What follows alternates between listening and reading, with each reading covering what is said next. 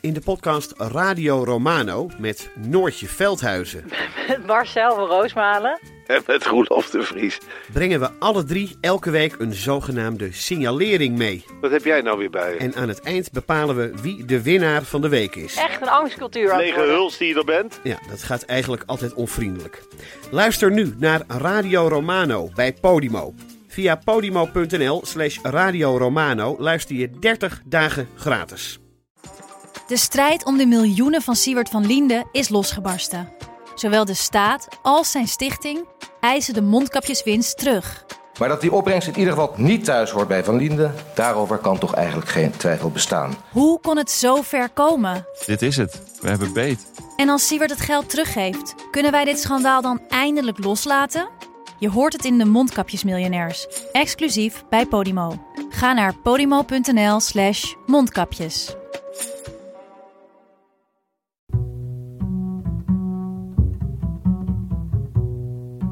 Welkom bij deze podcast ter ere van de Jan Hanlo Essayprijs 2023. Vernoemd naar de dichter en schrijver die de taal inzette om voorbij de grenzen van taboe en gemeenplaats te kijken.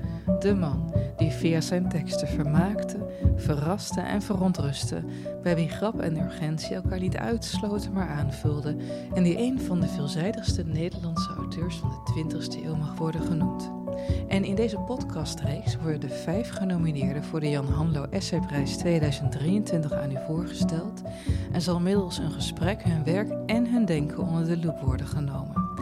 Mijn naam is Ellen Dekwits en vandaag zit ik tegenover Mira Vetikou. Dag allemaal. Hallo! Hi. Mira Vetikou werd geboren in 1973, is schrijfster en dichteres. Ze schreef liefdesverklaringen aan de Nederlandse taal, wat een ode is aan, u raadt het al, de Nederlandse taal, maar het is meer dan een lofzang. Het is een memoire, een geschiedenis van een schrijverschap. Een getuigenis van opgroeien in het Roemenië dat bijkwam van het Ceausescu-regime tot een emigratie naar Nederland. Het is een ontdekkingstocht tussen verschillende culturen, geschiedenissen, politieke en literaire velden.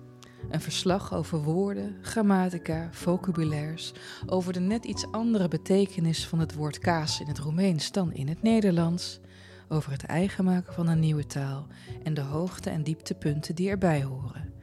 En over een auteur die, zo schrijft ze zelf prachtig, met nieuwe woorden een wereld heeft gecreëerd, zoals Dido met repen runderhuid het land omtrok dat het hare werd. Mira, welkom. Wat een introductie. Ja. Het is nog een nominatie dus. Jouw Ja. nominatie. ja, dat is mijn eigen juryrapport ja, al. precies. Dankjewel. Dat is mooi. Ja. ja, en gefeliciteerd. Dankjewel. Dus, Ja. ja. dat is eh, groot voor mij. Het is heel bijzonder. Ja. Ja?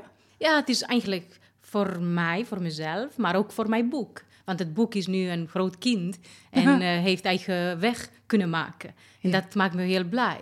En wat je zegt, ja, doet me denken... Je zegt dat ik iets opgebouwd heb. En dat, dat betekent dat ik meer dan een taal heb. Dus in het Frans zeg je, je hebt eh, geen lang, maar een langage. Dat heb ik gemaakt, dus met een boek. En dat maakt me heel blij. Vanaf lang naar langage. Oh, prachtig. Prachtig. Ja, want eh, het- voor, de, voor de luisteraar die jou nog niet kent, eh, schaam je luisteraar, maar eh, wil, ik, wil ik een klein beetje nog iets vertellen. Kijk, je bent geboren in Roemenië, je kwam voor de liefde naar Nederland. En toen dacht je van, eh, ik ga die Nederlandse taal helemaal leren. En je bent ook gewoon nu een auteur die haar eerste versies, die gewoon boeken, romans, poëzie, die ik niet van je heb kunnen vinden. Er is nog geen bundel van je uit. Nee, en ik denk dat ik dat ook niet ga doen. Oh, Ja. da- daar kom ik zo meteen nog eventjes op. Ehm, maar je, je- je, je werkt, schrijft, praat en denkt ook in het Nederlands? Zeker, Nederlands is mijn eerste taal. Wat grappig. Daar wil ik het graag eh, met je over gaan hebben. Ehm, in dit boek, wat aan de ene kant een liefdesverklaring is, zo de titel luidt, maar aan de andere kant soms ook wel kritisch is op het Nederlands, op ne- hoe de Nederlandse cultuur is om in terecht te komen wanneer je als nieuweling ja, binnen bent. Liefde, we weten allemaal dat liefde ook pijn betekent. Dus het proces van het leren betekent niet alleen eh, eh, goede cijfers of tevreden zijn. Ja. Meestal ontevreden, gefrustreerd raken. Je schreef in je boek dat het leren van een nieuwe taal eigenlijk begint met een depressie en daar moet je een paar seizoenen doorheen willen worstelen. Ja, iets doen om een beetje serotonine in je hoofd te maken om door te kunnen. Ja. Dus uh, bij mij was het zo dat ik begon met het leren van de taal en ik ging in parallel rondjes maken in het park om serotonine te maken, om niet helemaal depressief te worden of te blijven. Want het was heel moeilijk om zinnen af te maken, om ja, nieuwe woorden in je hoofd vast te maken. Dus het, het proces van het leren was in het begin zeker. Uh, je maakt veel, zoveel blunders, je ziet overal drempels. Je uh, krijgt niet altijd uh, complimenten dat je een mooie taal spreekt, en et cetera. Dus het is wel heel moeilijk in het begin. Daarom heb ik het boek geschreven. Om degene die net begonnen is in het leren van de taal aan te moedigen. Ga door, want je hebt geen idee wat een um, groot cadeau je op het eind krijgt. Op het eind van dit proces eigenlijk bestaat er geen eind, want ik leer nog steeds. Hè. En, en iedereen die niet geboren is in Nederland en de taal leert, blijft leren. Ik uh, verdeel de woorden in drie categorieën nu. Woorden die ik kan gebruiken, en dus woorden die ik ken, woorden die ik ken en niet gebruik, misschien durf ik niet of zijn voor mij uh, groot en woorden die ik nog niet ken en misschien nooit zal kennen. Dus, uh, en ik ben een schrijver, ik schrijf in het Nederlands en toch ben ik een in de leer nog steeds. En zo zal ik blijven bij de Nederlandse taal. De Nederlandse taal is mijn grote meester. Ja, maar als ik jouw boek zie, ik heb de indruk dat jouw vocabulaire dat van de gemiddelde Nederlander ver overstijgt. En dan is een logische vervolgvraag, als jij nog in het Romeins was blijven schrijven, um, had je dan ook nog eens diezelfde instelling gehad dat je zou blijven leren over het Roemeens tot het einde der tijden? Uit mijn ervaring weet ik hoe arrogant we zijn en blijven als we in onze moedertaal schrijven.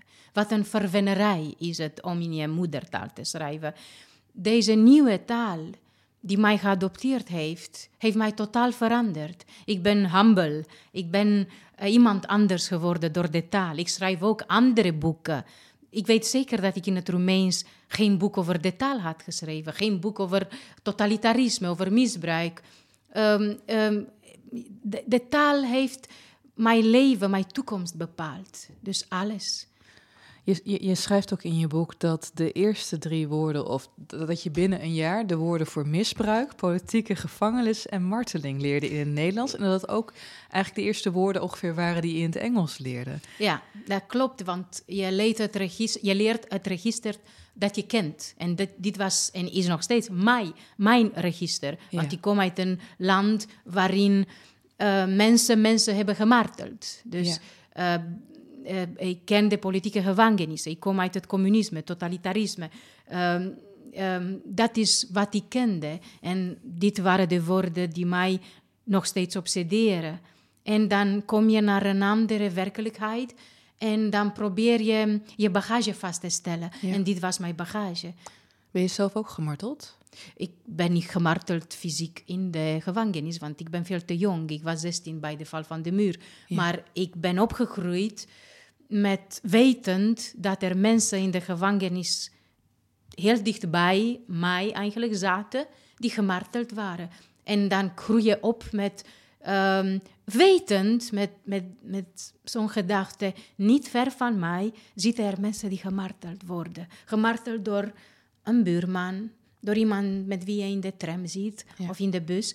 Het is een afschuwelijke manier van opgroeien. Ja, dat snap ik. En, en, en in jouw boek neemt de taal ook een hele grote positie in, in dat onderdrukkende regime.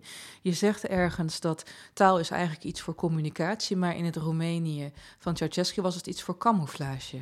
Ja, het is interessant um, wat, op welke manier je de taal spreekt of schrijft. Via de taal probeer ik loyaal aan mezelf te zijn waarheid oefenen. Terwijl waarheid in Roemenië, in het Roemeens, een conventie was. Mm. En je kunt ook zeggen dat de waarheid ook in het Nederlands of in het Westen een conventie is. Een beetje à la légère, op een andere manier. Maar in mijn moedertaal was de waarheid uh, moeilijk te beoefenen. Dus, en dat kon ook niet via de taal. Je richtte jezelf ja, tot je binnenste. En waarheid was iets wat je binnenhield en niet op kon schrijven. Dus de taal was um, uh, besmet, mijn Roemeense taal, door het communisme, door de ideologie. Dus ik denk dat dit een van de redenen was waarom ik vrij makkelijk een nieuwe taal eigen heb gemaakt. Omdat mijn eigen taal, moedertaal, besmet was. Ja. Van alle censuur en alle verboden woorden. Ja. Ja, en ook de ideologie. Dus uh, ja, ja de, je, dan krijg je een soort metataal. Je, je praat, je schrijft in je moedertaal, maar je weet dat je iets anders bedoelt dan je mm -hmm. schrijft. Hing jouw keuze om toen je nog in Roemenië naar de universiteit ging om Frans te studeren daar ook mee samen? Um, nee, eigenlijk. Wij waren in Roemenië in mijn tijd allemaal francofiel. Dus het oh. was, uh, ja, ja? ja, het is zo'n beetje, zo was het in mijn tijd, de tweede taal.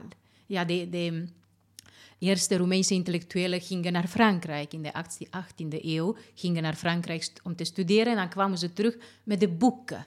Oh, ja. En, en ja, dus het was een, een hele belangrijke eeuw in Roemenië. De eerste um, ja, cultuurdaden kwamen uit Frankrijk. Dus het, het, het, ja, was een hele makkelijke keuze, een hele logische keuze om Frans te leren. Maar Frans leren was een verwennerij in, Ja? in vergelijking met Nederlands leren. Want Frans leren heb ik dat in, het Roeme- in Roemenië gedaan. Ehm, het was mijn keuze, terwijl Nederlands leren was een soort marathon. Ja? Ik zit nog steeds, ja, ik leer nog steeds. Als een Het soort is- Sifan Hassan loop jij... eh, ja, het is, het is, ik ben bewuster, eh, ik ben harder met mezelf. ja. Ja, het is geen verwennerij in ieder geval. Ja. Ze zeggen ook, dat vind ik zo'n mooi Arabisch spreekwoord, dat wie van taal verandert, eh, ook van ziel verandert. Heb jij die ervaring ook? Ja, dat denk ik ook. Ja. Ja? Wie van taal verandert, weet je, het is alsof je de adoptie ouders eigen ouders noemt. En in mijn geval, ik ben vanaf mijn dertiende opgegroeid, in een inter- opgegroeid in een internaat, ehm, denk ik dat dat ook een logische keuze was. Ehm, als kind wilde ik geadopteerd worden, mijn hele leven. En, ehm, ehm, ik schaam me niet om te zeggen dat deze wens een paar jaar geleden gestopt is. Oh, oh, oh. En, en waardoor stopte die? Ja, ik besefte dat ik toch oud aan het worden was. Oh ja. en dat het, ja, ik, mijn kind groeide.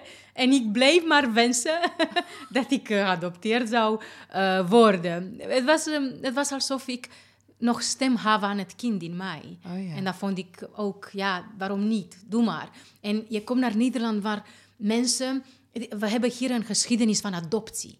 Dus het is, het is heel makkelijk om iemand te ontmoeten die geadopteerd was. In Roemenië is dat niet zo. In Roemenië ontmoet je juist de kinderen die geadopteerd moeten of moesten worden. Oh ja, ja. Dus het was zo'n wens. Stiekem wilde ik geadopteerd worden.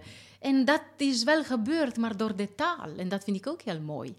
Wat grappig. Het, het, het, het adoptiekind van de taal ben je dus eigenlijk. Ja, ja, en de taal, ik begreep langzamerhand na mijn depressie, begreep ik dat de taal therapeutisch werkt en dat de taal mij troostte en suste. En ik kon iets over mijn geschiedenis vertellen in de nieuwe taal. En eh, de taal heeft mij zo geaaid en gesust, dat ik kan zeggen dat de taal een, ja, een adoptiemoeder, een adoptiemoedertaal geworden is. Ja, dat is prachtig. De, de, de laatste jaren ligt nou ja, jouw adoptiemoeder ook hier in eigen land weer flink onder vuur. Er zijn mensen die vinden dat je helemaal niks meer mag zeggen. Uh, hoe is dat voor jou om, uh, om dat uh, ja, te horen? ik ben ook in de leer bij mijn dochter, die 20 is. Dus Ja. ik let op wat ik zeg. Niet omdat ik altijd op een podium sta, maar omdat ik een dochter heb van de nieuwe generatie. En zij opent mijn ogen op een andere manier dan ik dat van mezelf zou doen of al doe. Ehm, het is een gevoeligere generatie voor dingen die niet gezegd mogen worden. Eh, van mijn natuur zeg ik dingen. Ik ben iemand die ja, niet daarover nadenkt en dingen zegt. Ik ben te spontaan. En ik heb een wijze dochter die mij corrigeert. En ik moet zeggen dat ik van haar leer. Tegelijkertijd blijf ik ook mezelf. En ik denk dat die combinatie mag zijn. En wat heb je van haar geleerd onlangs? Eh, gisteren heb ik, of ergisteren heb ik tegen haar gezegd... Ik, eh, ik wil ook zo'n hoed zoals de Chinese vrouwen in de zomer dragen. En ze keek naar mij en zei, zoiets mag je niet zeggen. En ik dacht, waarom? Ja. Nou, dit is niet van de Chinese vrouwen. dus het was, eh, ja, ik bedoel, eh, je zou haar moeten vragen. Het is een nieuwe wereld, wat je mag zeggen, wat je niet mag zeggen. Ik begrijp het. Maar ik moet zeggen dat ik minder gevoelig ben. En als ik minder gevoelig ben, blijf ik dingen zeggen. Maar dat betekent niet dat ik niet open ben voor begrip. Dus ik begrijp wat mijn dochter bedoelt. Tegelijkertijd is dit mijn ehm, notie. Eh, Zo'n goed, eh, zo'n hoed heb ik alleen maar bij de Chinese vrouwen gezien. Dus het is een paradox. Weet je, mijn eigen werkelijkheid moet ik vernieuwen. Ja. Weet je, het is een nieuw woordenschat en ik denk dat ik tijd eh, zal hebben om mijn woordenschat misschien gevoeliger te maken. Ik weet het niet. Ik kan me ook voorstellen dat iemand die is opgegroeid in een land waar taal zo beklemmend was en taal van overheidswegen gecensureerd werd, dat je als je nu iemand hebt die zegt ja je moet op je woorden letten, dat je denkt ja doei. Ehm, dat zeker. Oké. Maar dat zeker. Ehm, ja, ik ben iemand die tenminste geweest. Het, ik moet zeggen dat ik in een soort transitie zit als, je, als we toch over wat we durven moeten praten. Ehm, Transitie? ja, mijn, mijn man is overleden, bijna een jaar geleden. D- dat is dezelfde man waarvoor je voor naar Nederland kwam?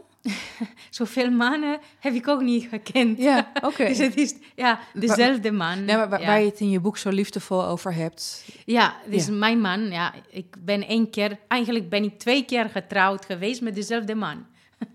Oh, wat grappig. Jullie waren even uit elkaar, toen trouwde je opnieuw. Ja, precies, ja. Oké, Ja. Ehm, ja, mijn man is overleden een jaar geleden. Oké, wat erg. Gecondoleerd. Dankjewel. En ehm, mijn logos is bevroren. Dus de, de, de, ik, mijn gevoel is dat mijn taal bevroren is. Dat, dat de rivier van de taal verandert. Het is anders.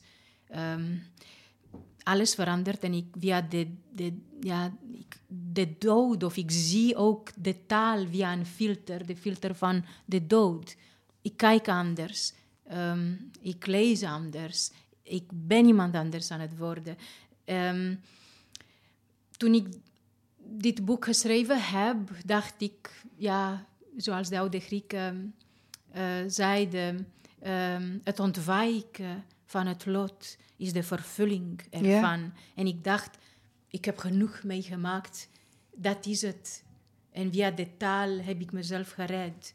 En nu heb ik ja, met mijn man eh, de dood meegemaakt. Ik op een andere manier, want ik leef nog. Maar ik weet nu wat de dood betekent. En de dood heeft ook mijn taal besmet. Nou, zoals het communisme ooit mijn taal besmet heeft. En dan weet ik dat ik een nieuwe ervaring van de taal heb. Alles heeft nu de stempel van de dood. Ik praat minder. Dus als je zegt, durf je nu alles te zeggen? Ja, ik durf nog steeds alles te zeggen, maar ik ben iemand anders aan het worden. Ik ben iemand die, die ja, er, eh, Jacobson heeft een theorie van de zes, zes functies van de taal. de, de poëtische functie, die je zeker kent, en de fatische functie. En dat is wat ik mis en wat bij mij niet meer bestaat. In die zin verandert mijn taal. De fatische functie is gewoon van de taal van mond tot mond. Dus de functie die ik met mijn man deelde. Gewoon praten. En dat kan niet meer, want hij is niet meer. Dus die fatische functie bestaat voor mij niet meer. Dus de woorden, ik, ik hou veel meer woorden binnen dan vroeger. Omdat ik niemand heb om deze functie te beoefenen. Ah, Dus ik durf nog steeds, maar ik praat minder. De taal is veranderd. Van een oceaan ja. is een riviertje. Is het een riviertje geworden? En ik weet niet of het een meer zal worden of zal het een rivier blijven waarin ehm, vissen zwemmen. Ik weet het niet. Ik ben in een transitie en ik vind dat heel, heel interessant. Wat doe je met een bevroren ja, mm, rivier? Hoe zal het zijn? Wat moet ik met de taal? Ja, En eh, mag ik hier iets meer over vragen? ja natuurlijk. Ja, eh, want in je boek heb, zeg je op een gegeven moment dat de Nederlandse taal jou ook op bepaalde manieren heeft geheeld, Ja. heeft genezen. Oh ja. Kan je, kan- ben je nu bijvoorbeeld aan het werk aan het schrijven over deze dood? Ook? Ja, ik, ik doe dat, hoewel dat nog steeds heel moeilijk is. Ehm, iemand he- heeft tegen mij gezegd dat ik een boek over de dood zou moeten schrijven. En ik weet dat dat niet zou kunnen, omdat ik dagelijks naar de hel zou moeten dalen. En ik ben niet stabiel genoeg om dat te doen. Om dat te kunnen doen, moet ik iemand hebben die mij hand vasthoudt drie uur per dag. Je moet- tenminste, nadat ik drie uur eh, in de hel zit, dat iemand mij hand vasthoudt. En dan heb ik niemand die dat kan doen. Dus ik heb een compromis gemaakt. Via de, via de theorie van de taal, via de theorie van de logos. Wat is logos? Wat is taal voor mij? Schrijf ik een boek over de dood. En dat betekent dat ik naar de dood kijk op een andere manier en dat ik mezelf kon, kan redden na drie uur over de dood schrijven. Denk je dat de luisteraar begrijpt wat ik bedoel? Ik denk, mag, mag, ik, mag ik parafraseren wat ik denk dat je bedoelt? Ja. Je, je bedoelt dat je vanuit een wat wetens afstandelijke invalshoek... Van de, ja, Academischer, vanuit, ja, analytischer? vanuit wetenschap, ja? een wetenschappelijke manier van naar de taal kijken. Bijvoorbeeld de theorieën van Jacobson of eh, eh, eh, Steiner, George Steiner. Dan kijk je naar de taal of via de filter van de ehm, ja, hermeneutica, interpretatie. Ik interpreteer de taal via de dood. Nu. En zo kan ik over de dood schrijven. Er is, de Stoïcijnen hebben gezegd over de ehm, logos als eh, generatieve principe van het universum, logos spermaticon. En dat heb je als je iemand hebt met wie je de taal beoefent. En als je dialoog hebt en als je communiceert. Ik communiceer minder en dan denk ik aan de logos spermaticos. Zal het mij lukken in de toekomst nog van mijn logos, bevroren logos, een logos spermaticos te maken? Ehm, want ik heb mijn partner niet meer, degene met wie ik volledig communiceerde op alle niveaus. Want hij kon ook Roemeens spreken, toch? Perfect. Ja. Hij was, hij was, ik heb, ja, hij was een fantastische eh, vertaler. Ja. Hij, hij vertaalde voor politie en justitie, maar hij had niet veel voor, met literatuur te maken, maar hij was zo loyaal en integer in de taal. En dat vond ik heel mooi. Een hele bescheiden man met wie ik alles deelde. Zeker theorieën over de taal. Ja. En dat doe ik nog steeds. Ik deel alles wat ik denk op, over de taal, want elke dag denk ik over taal. Elke dag denk ik aan wat is taal, wat kan ik met de taal. Ik hou me vast aan de taal zoals een kind zich vastmaakt of houdt aan de rok van zijn moeder, bang en angstig is. Maar taal is alles wat ik heb na de dood van mijn man.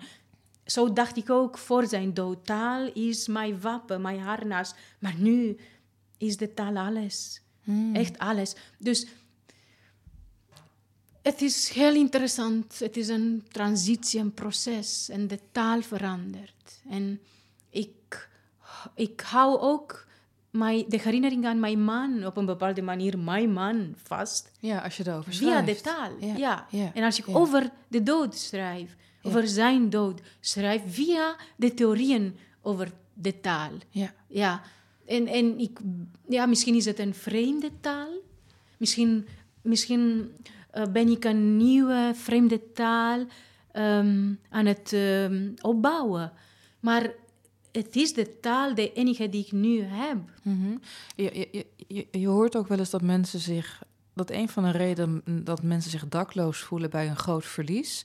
omdat een, iemand met wie je woorden deelde... en woorden die helemaal Ja. specifieke betekenisjes hadden... je had je eigen vocabulaire eigenlijk met een partner... maar het kan ook Ja. met een moeder of met een kind dat je verliest zijn. En die leegte heb je dus nu ook. Het is, ik zit in, op de bodem van een oceaan. Oh jee. Ik zit daar en iedereen zit bij de oppervlakte. En ik weet dat ik alles moet doen om bij de oppervlakte te zijn en weer te kunnen leven. Maar degene die iemand verliest, blijft op de bodem van de oceaan, ook omdat, omdat je niet meteen kunt zwemmen en naar de oppervlakte kunt gaan. Dus ik, ehm, ik zit ergens met de woorden en mijn herinneringen. Soms denk ik dat mijn brein een soort ehm, baarmoeder is van onze herinneringen. Mijn herinneringen aan hem, aan de taal die ik met hem praatte. Ehm, ja. En je schrijft dus nu eigenlijk vooral meer beschouwend, non-fictie, want je hebt ook romans Ja, ik schrijf non-fictie. Ja? Ik ben niet moedig genoeg om weer fictie te schrijven. En ja, misschien ga ik ooit... Ik wilde ja, een boek over Orpheus eh, En Eurydice schrijven? ja, schrijven. En Ja, Dalen. Dan zou precies. jij Eurydice of Or- Orpheus zijn. Dan zou ik Orpheus moeten Ja. zijn. Maar zo moedig ben ik nog niet. En misschien, wie weet, zal ik nooit zijn. Misschien zal ehm, dit boek, toekomstige boek over de dood via de taal, genoeg zijn. En dan misschien moet ik me vasthouden aan, aan het leven verder. Ik weet het niet. Ik weet dat ik in de transitie zit. En ik heb geen idee wie ik zal worden. Wat ik weet is dat de taal zo bevroren aan mijn kant staat. En eh, ik had eigenlijk de luisteraar beloofd om nog even op iets terug te komen. Misschien weet je het nog aan het begin van dit gesprek. over, maar ik weet niet of ik dat je nu nog durf te vragen. Want we hadden het heel aan het begin over poëzie. Je, het, het eerste Nederlands gedicht dat je las was De Idioot in het Bad.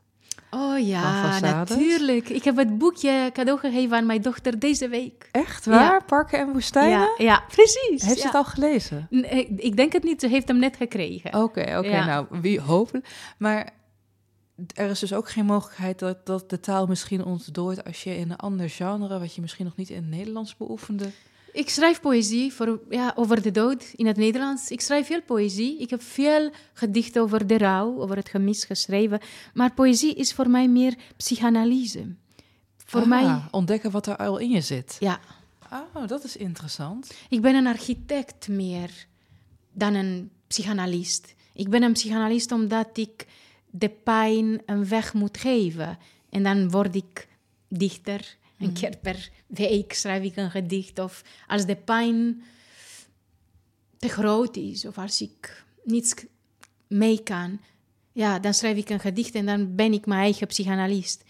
Maar dit is voor mij dichter zijn. Want ik ben een romanschrijver en, schrijver en een eh, schrijver van non-fictie. Ik ben, zoals ik al gezegd heb, meer een architect dan een psychanalist. Ja, maar ik, ik wil wel, want ik wil de, luisteraar dat nog, dat nog even niet onthouden.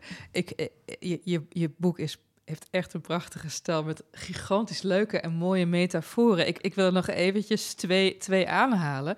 Ehm, je zegt op een gegeven moment over het Nederlands. Jarenlang was de taal een soort iPhone die nog in de doos zat zonder simkaart. Gewoon een belofte. Ja, dat vind ik. En verderop zeg je op een gegeven moment heb je het over het vertalen. Hoe klinkt Molière in het Engels? Als een uit het hoorntje op de vloer gevallen ijsje dat je echt net wilde opeten. dus nou, ik heb de hoop dat het misschien ooit nog, dat de transitie ook nog een transformatie wordt. Misschien naar gedichten die je met de wereld deelt. Maar ehm, ik wil nog heel veel terugkomen op het gegeven dat je taal ook je identiteit beïnvloedt. En ergens, nou niet ergens op pagina 136, zeg je het volgende. Ik merk dat ik in mijn eigen taal, mijn moedertaal, stiller was dan ik in mijn nieuwe taal ben. In het Nederlands praat en schrijf ik meer. Misschien heeft dat ook te maken met jezelf te laten zien.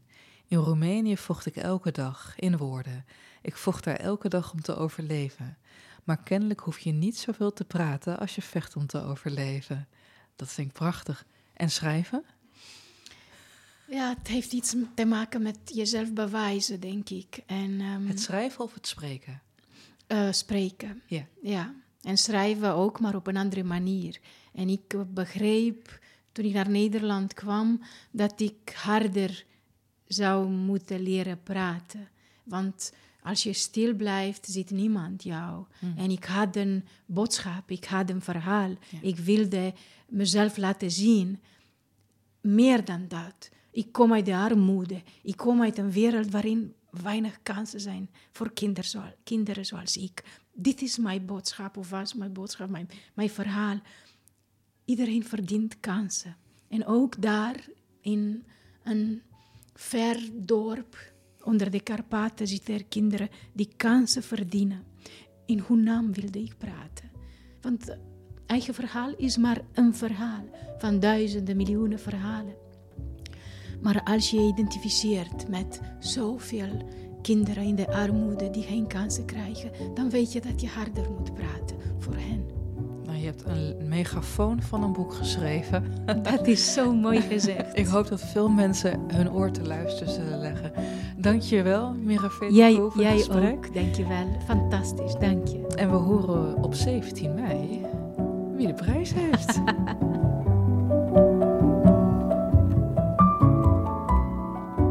Deze podcast werd mede mogelijk gemaakt door Stichting Lieren, de Groene Amsterdammer en de Stichting Literaire Activiteiten Amsterdam. De podcast werd gemaakt door Giselle Mijnlief en mijn naam is Ellen Dekwits. Dank voor het luisteren.